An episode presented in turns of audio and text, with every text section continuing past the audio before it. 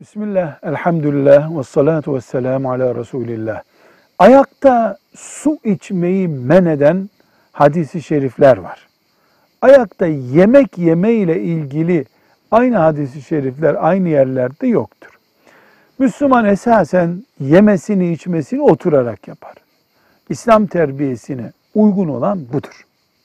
Ama ayakta yemek yiyen birisi haram işlemiştir. Acilen tövbe etmesi gerekir şeklinde de ikaz edilmiyoruz. Oturarak yememiz isteniyor. Edebimiz, sağlığımız bunu gerektiriyor.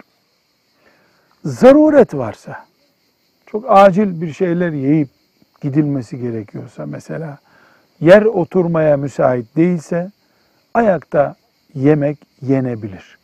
Velhamdülillahi Rabbil Alemin.